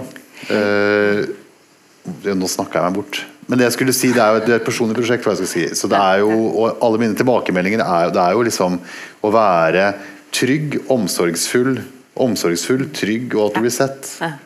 Men ikke ledende. Det må være opp til den enkelte. Og det var det spennende i prosjektet. Og det var jo veldig morsomt å sitte og se på Peder som var sånn Når vi hadde sittet og ventet og ventet og ventet og ventet, og ventet på det åpenbare, hvor eh, man later som man ikke har tenkt tanken før. Da, hvor Malin sier sånn Jeg har en pappa nå. Ja, kanskje jeg skal snakke med han. Å ja, jøss. Ja, mener du det? Ja. ikke sant, Å få deg da mer og mer gira på ditt eget prosjekt uten å si ja, det syns jeg, gjør det. Ja. Sånn derre baklengsmåten å være på. Helt, helt totalt mot sånn, hver programleder eller enhver sånn Ja. narrativ struktur. Det var eh, veldig morsomt, altså. Ja, for det var noen av de tidlige samtalene vi hadde. Det var sånn derre eh, Ja, kan du ikke gi dem litt oppgaver og liksom prøve seg sjøl å pushe grensene? Og jeg bare nei, nei, her skal du ikke pushe noen grenser, nei. Ja, det var én ting som måtte bare skjønne. Og hver gang eh, andre Det var jo veldig mange bak eller over og ved siden av oss da, som ikke dere forholdt dere til. NRK andre som er vanlige på TV.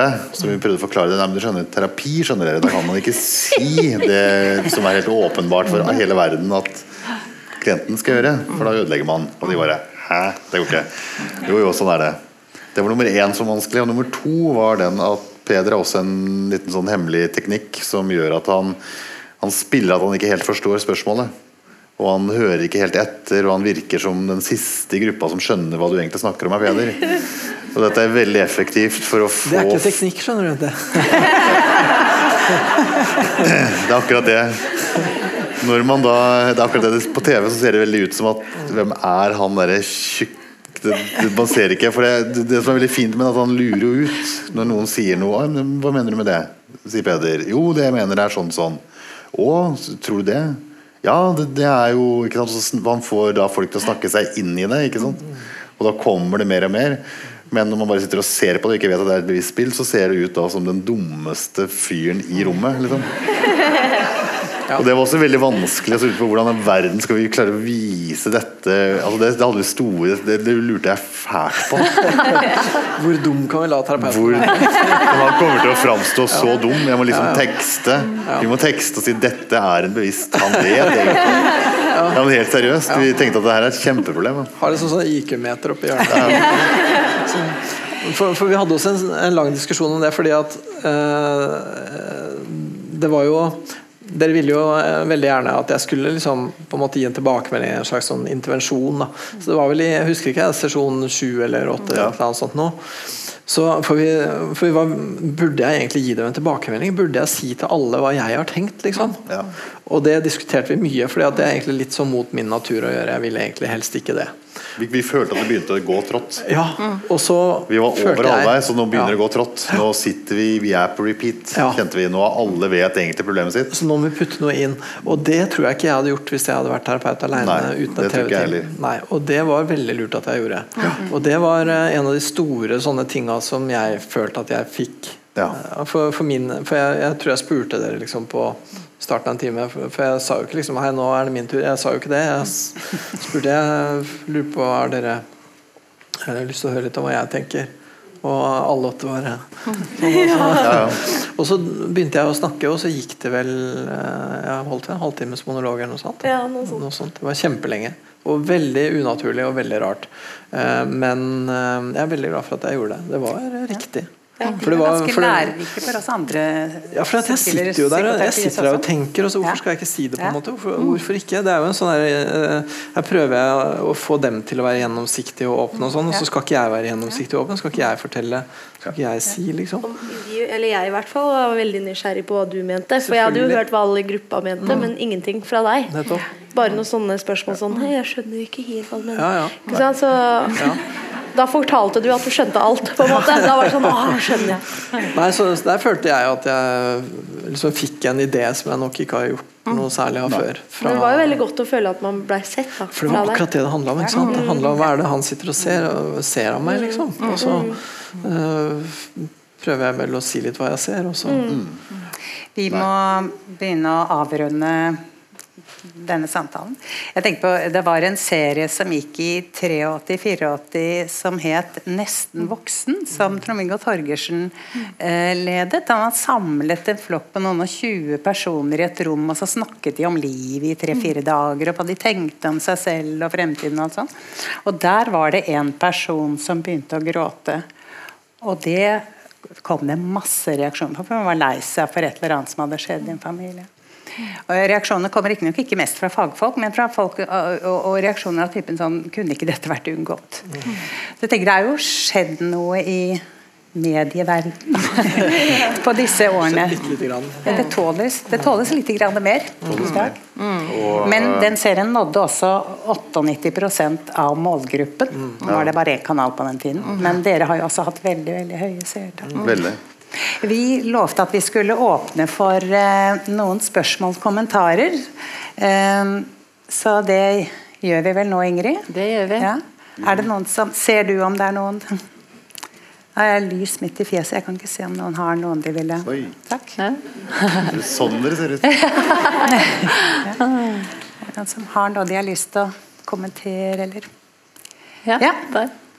Der. Du får en mikrofon. Et lite øyeblikk. Mm. Andreas Raknes heter han.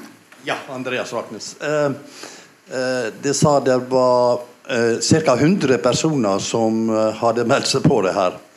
Og eh, det måtte velge ut at de skulle ikke være for dårlige. Dette er jo sårbare personer. Hva skjedde med dem? Altså Sjokket til å få nei for en del ville jo kanskje være ganske stort at det gikk andre veien med dem. Hadde hatt noen kontakt og oppfølging av dem. Det var ene spørsmålet. Det andre spørsmålet det jeg lurer på både det som leder prosjektet, og ikke minst psykologen. Hadde det angst noen gang? Det var jo et ganske tøft prosjekt, dette her. Det skulle ta seg ut. Det det. Nummer tre, nummer tre er vel det at jeg lurer litt på De har sikkert fått mye tilbakemeldinger. Og som du var inne på, at eh, å oppdage at det er så mange som sliter, det, det, det gjorde greit. Og det har vel løsna noe med, og som Anne Beth er inne på, det har skjedd noe innen medieverdenen når man kan gjøre sånt. Og det er nesten en slags sånn storgruppeterapi i og for seg. Men det var en ting som vi lurte litt på her. Hvorfor er det så mange damer? Har det noe med engasjementet, noe med at de er mer åpne? Det er kanskje mer vanskelig spørsmål. Takk. Ja. Ja. Kan svare på det første først. Da. Ja. Jeg tenkte du skulle ta det siste først, men ta det Ja. første først, du. Det første først, som var, eh, det, det var jo veldig mange som man så med en gang eh, på eh, når de sendte inn materiale til seg selv. Dette er et sykt menneske som trenger hjelp. Og da gjorde vi på samme måte. Som, altså det er bare å ringe og spørre. Hvordan har du det? Det er sånn, Du er altfor syk til å være med i dette programmet. Det, ikke sant? Og da har du de og de rundt seg. Det var flere som vi bare tok direkte kontakt med. Eh, og det var noen, spesielt de som eh, hva skal man si, har vært på intervju og var finalister. Ikke sant? Og, da måtte, så det var jo en Hva skal man si? Ja? Det er jo ikke sånn at de har sagt ja for alltid. De måtte jo da også bestemme seg. Så vi hadde noen som var eh, Hva heter det? Sånne første reserver. da Rett og slett I tilfelle noen av de som man liksom var hovedkassen skulle trekke seg osv. Og, og for et par av dem var det veldig tøft å få Det ble ikke. Eh, og noen av de har vi lagd podkaster med. Eh, men de har altså Vi håper jo, da. Én ble forbanna, husker jeg. Ja, uh, og uh, den personen la vi ganske mye arbeid i. Ja. For rett og slett, for her var det ikke så, få- ikke så bra. Nei, og det var opplegget rundt var bare kaos. Og Ja. vi tok vel noen telefoner som jeg håper hadde noen virkninger. virkninger. Nei, så Så, så for, en del, for en del folk så var det sånn at vi faktisk måtte gjøre en god del arbeid. Men det er klart, for veldig mange Det var jo 300 eller noe sånt, så det er klart Ja. at for veldig mange så kunne vi jo ikke stille opp med noe særlig. Men der vi så at nøden var stor, så prøvde vi så godt vi kunne, i hvert fall. Ja. Det var første spørsmål. Jeg hadde ikke angst av en eller annen merkelig grunn. Nei, jeg hadde ikke så veldig mye angst jeg heller, faktisk. Jeg, øh, det folk lurer mest på, er eller det folk ofte spør om, da, er Var du ikke redd for hvordan andre psykologer at de skulle være kritiske og sånn og sånn? Og det Jeg var ikke så veldig redd for det. Jeg var litt, jeg var litt sånn og jeg håper ikke jeg liksom gjør noen sånn kjempebrølere, at noen, at noen ser og tenker på et eller annet superviktig som jeg ikke har tenkt på. liksom. Men nå har jeg tross alt Jeg har vært jeg har jobba med dette her siden 97, da, så jeg har liksom holdt på litt. Grann. Um, så, så jeg følte meg egentlig ganske trygg. Jeg, altså. og, og så var det litt rart med de kameraene, og sånn, men det gikk greit. Det var ikke noe sånn det var ikke noe vanskeligere for meg enn for dere, i hvert fall. Så, og det siste var det med Det var jenter. Jeg vet ikke, Det er like mange gutter som jenter i serien. Så jeg, Men hvorfor så mange damer er interessert, var vel det du Hva var det det var, ja? Eller? I salen? Ja, ja, Ja. ja. Ja. ja. Hvor mange gutter er det? Rekk opp hånden, alle gutter. Det er ikke så mange, altså. Ja. En, to, tre, fire. Men Skal er vi ta kontra også, eller er det ja. Nei, jeg tror, jeg tror det er fordi eh, at kvinner er mye mer opptatt av subjektivitet og intersubjektivitet og andre folk enn det menn er, og at menn ikke er så opptatt av andre folk. Kjør debatt. Det tar vi neste. Jeg mener det. Ja. Så, unntatt vi som er her, da, selvfølgelig. Så, men jeg tror det er en forskjell der. Jeg tror Jenter lærer seg fra de er små, og de er også litt sånn hormonelt utstyrt for å, bry seg, å være mer opptatt av hva som skjer inni andre mennesker, enn det vi gutter er. Vi er mer opptatt av prosjektene våre. Da rekker vi kanskje et lite spørsmål eller kommentar til. Hvis der er det et par stykker der oppe. Så er det er mennene som spør, da. Det er bare gutta som spør. Nei, der var det en jente. Nei, det kom en jente. Hei, jeg er jente. Hei. Um, jeg lurte på eh, om eh, Peder har hatt noen sånn individuell terapi med noen av deltakerne i etterkant av programmet. Eh, eh, tja eh, Jeg har hatt en god del kontakt med noen av dem etterpå. Og I hvilken grad man skal kalle det individuell terapi, det tror jeg kanskje ikke vi skal kalle det. Men med noen av dem så har jeg hatt ganske omfattende kontakt. Og med alle har jeg hatt noe kontakt. Så eh, Ja. Ja, jeg vet ikke. Var det svar på spørsmålet? Og så var det ett til Ja. som kanskje blir det siste. Oi, oi, oi. Vi må ha en dame til etter. Er han på? Ja. Um, dette er et spørsmål eh, til deg, Stefan. Hei. Um, jeg fikk med meg at du jobba i Anti, stemmer det? Ja. For jeg har veldig lyst til å bli med den dokumentarserien som heter Nå eller aldri. Um, så det jeg bare lurte på om jeg kan ta en prat med etterpå. Det ses. Det er et uh, kommersielt TV-prosjekt hvor du blir lurt ut i alle mulige greier. Så vi snakker om det. Jeg skal gi deg råd. Jeg har ikke noe med det å gjøre, men eh, jeg vet veldig godt hvem som kaster det. Setter pris på det. Da tror jeg vi blir nødt til å avslutte denne de- spørsmålsrunden med dette de frieriet. de lurer ikke på, men lurer ikke på andre sin subjektive Veldig sånn straight on. Han er forsker for tiden, er du ikke? Jo. Vi tenkte vi skulle avslutte med avslutningen på programmet, for nå har Malin vært her og snakket om sine erfaringer. Vi skal få se et lite glimt av eh, alle deltakerne, dine meddeltakere. Eh, slik som de uttalte seg i fjor i juni, når dette var over, sant? Ja. Så Bare la det funke, da. det skal han der oppe ordne med. Ja, eller først må jeg få fyr på denne. Ja. Ja, nei, den har gått eh, Se her, jeg må logge meg på. Vent litt. Da kan vi ta et Ja, spørsmål det var til, kanskje? Ja. Da tar vi et uh... Ja, opp der. Ja, det kan. Eh, hei. Uh, jeg har bare et spørsmål angående litt det etiske rundt eh, deltakerne. Uh, bare tenker om dere har gjort dere noen tanker om dette ansvaret dere har overfor deltakerne, og at dere på en måte tar de med på en prosess som de kanskje kan angre på, eller sånne ting som det. da. Det er et veldig viktig spørsmål. fordi vi, vise, vi vil jo vise historien eh, mens den utfolder seg, og ikke historien om den gangen da jeg. ikke sant? Sånn at vi, vi på en måte inviterer folk inn til å gjøre noen ting, og ikke bare fortelle om noe de har vært igjennom, eller framstille lidelsen sin eller problemet sitt. eller noe sånt. Og det er masse etiske greier rundt det. Eh, og det vil jeg si vi hadde oppe fra første stund, og at det har vært Eh, Det har vært helt nødvendig. Eh, Hvis man skal gjøre dette, her sånn, så må det gjøres etisk ordentlig, ellers så går det ikke i det hele tatt. Så det har vært, eh, det har vært et eh, primærhensyn hele veien, egentlig. Og det har vi prøvd å ivareta både med at det jo faktisk ikke er live, da, det er klipp, ikke sant? og at alle har fått godkjenne klippen og sånn, i tillegg til at vi jo også har klippa bort ting som deltakerne sjøl egentlig godt kunne tenkt seg å ha hatt med. Så, så jeg føler at vi har prøvd så godt vi kan å ta vare på dere Uh, med tanke på at dere skal ut i verden blant mm. folk dere kjenner og folk dere ikke kjenner. Og Folk kommer til å mene noen ting. Og dere, dere, alle deltakerne har vel fått en god del henvendelser av forskjellig slag. Ja, det har vi. Jeg følte også sånn, altså Før jeg gikk inn i prosjektet også, så eh, var jeg jo bevisst på at det er jo ikke sikkert det her går bra. Det kan jo hende at jeg nå Nå går det bare enda verre, og det på TV, liksom.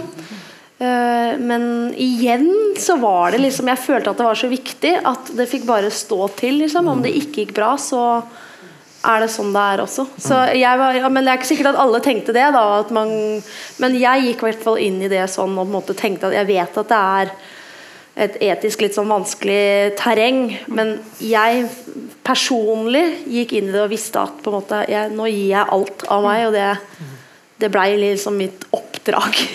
ja. Men det er, et, det er et prosjekt som har risiko. Helt, helt klart. Og det er jo ikke sånn at uh, man vet uh, alt om livet sitt når man er 18 år, 19 år, 20, 22 og man angrer veldig på det når man er 40. Men sånn er det litt, da. Eh, sånn er livet litt. Eh, det var jo selvfølgelig fullt mulig å trekke seg fra prosjektet. Det kunne jo skje, det. Så lenge du trakk deg på kamera. At du ga en grunn. 'Dette passer ikke for meg likevel. Ha det godt. Nå skrur jeg av.' Smakk. Så er du borte fra serien. Eh, Så altså, vi var åpne for alle eventualiteter. Eh, Men det er det det er. Eh, Vi visste med stor sikkerhet at vi kommer til å fremstille disse ærlig, riktig, og på en måte som de selv, som er vredelige for der de er. Og at eh, det, det er ikke noen annen utnyttelse enn at du deler historien din. For jeg hadde ikke noen interesse av å på en måte få noen til å være noe annet enn det egentlig var. Gå lenger. Eh, bli pusha. Ingenting, egentlig. Eh, men det, reaksjonene når vi skulle sette i gang fra folk flest, er jo men herregud, det der, hvordan kan dere gjøre det? Hvordan kan dere slippe folk, psykisk ustabile folk til og med, av gårde? Sånn som Malin. Dette er jo helt krise. Dette er jo fullstendig uansvarlig. Og så føler jeg at det er jo egentlig ikke det. Det var ett lite spørsmål til her.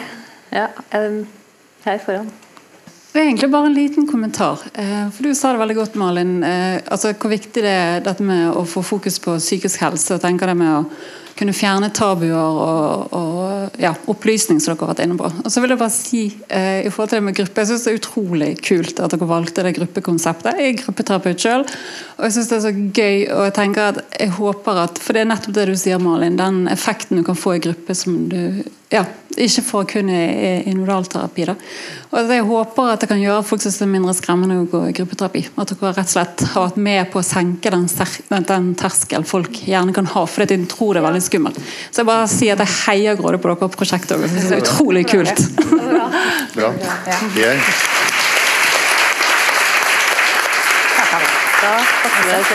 Kan, kan jeg si noe om det, som jeg, for jeg har også kjent utrolig mye på det.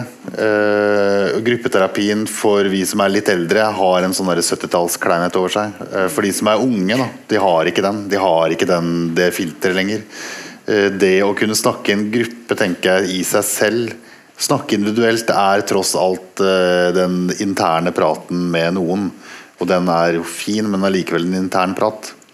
Eh, når du sier det til en gruppe, så sier du på en måte du må formulere deg ut til mange. Men det er uansett fint å bare vise terapi på TV. Fordi jeg har i hvert fall sett det at det har gjort Jeg har snakka med veldig mange som har turt å søke hjelp etter at de har sett det. Fordi det har jo ufarliggjort det veldig for i hvert fall unge, da, som ser at det er ikke noe hokus pokus der inne. Liksom. Det er ikke noe magi, eller det er ikke noe farlig. Eller det er, det er bare det det er. Ja. Og det vi Så, ønsket å ja. gjøre, var jo å vise ja, men, altså Det magiske med dette her da, er å vise at man, ja, men det er bare gjennom samtale. magi. Det er ikke noe annet at, vi har, at man har forandra seg ganske mye på, fra februar til juni.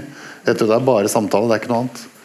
Og det som er så sjukt, det er jo den som jeg syns er helt sjukt ennå, det er jo den kronikken du skrev nå. er at Hvis du er hos legen og Ja, men du har jo angst, du. Ja.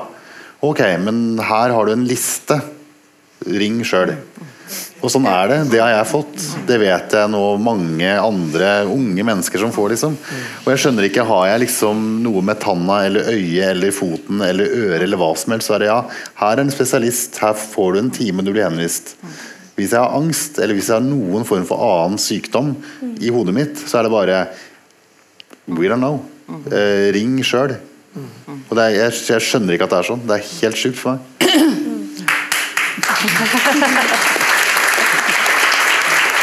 Det er rart. Ok. Ja.